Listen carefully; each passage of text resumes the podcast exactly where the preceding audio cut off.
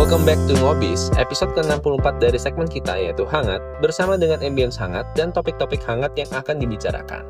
Balik lagi, kita akan membahas semua berita-berita hangat di Indonesia dan mancanegara yang terjadi pekan lalu. Hai semua, balik lagi dengan gue Hendra yang bakal membawakan hangat untuk kalian semua yang lagi ingin memulai minggunya dalam beraktivitas. Bakal guna banget buat kalian yang ketinggalan berita, nyari ide konten, atau buat bahan ngobrol kalau ketemu orang nanti. Dengerin aja berita hangat dari teman startup untuk bisa up to date dengan berita kekinian yang ada.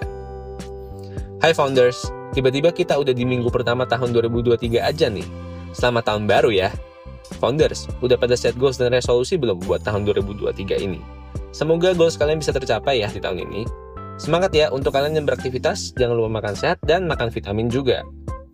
Oke, kita langsung masuk aja ke berita pertama. Berita pertama kita datang dari perusahaan teknologi Meta, induk perusahaannya Facebook. Sejak tahun 2019, Facebook sudah digugat akan pelanggaran privasi. Pasalnya, Facebook tanpa tahun usernya telah menjual 87 juta data pribadi pengguna Facebook kepada sebuah consulting firm asal Inggris, Cambridge Analytica. Baru saja pada tanggal 27 Desember kemarin, akhirnya skandal Facebook Cambridge Analytica ini resmi ditutup setelah Facebook terpaksa membayar denda sebesar 725 USD atau sekitar 11,3 triliun rupiah. Wah, nominal yang besar banget ya. Gimana founders menurut kalian? Pelanggaran privasi ini sanksinya besar banget ya. Semoga dengan denda yang harus dibayar, developer sosial media ini bisa bikin data kita lebih aman ya. Yuk, ke berita selanjutnya. Berita kedua kita datang dari fintech asal Indonesia, Akulaku.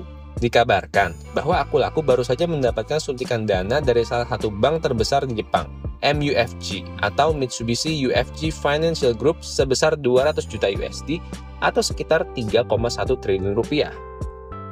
MUFG dikabarkan telah melakukan persetujuan kerjasama dengan Akulaku di bidang pengembangan teknologi, produk, pembiayaan, dan juga distribusi. Wah, selamat ya Akulaku atas suntikan dananya. Semoga dengan funding baru ini, aku laku bisa berkembang lebih lagi ya.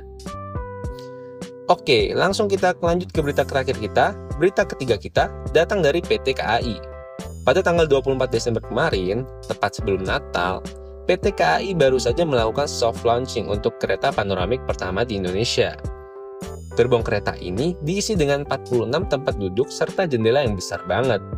Di periode soft launching yang akan berlangsung hingga tanggal 8 Januari mendatang, Tarif tiket gerbong kereta panoramik ini dipotong menjadi Rp750.000, sedangkan rencananya setelah soft launching, tarif tiket ini akan dijual dengan harga 1 juta rupiah.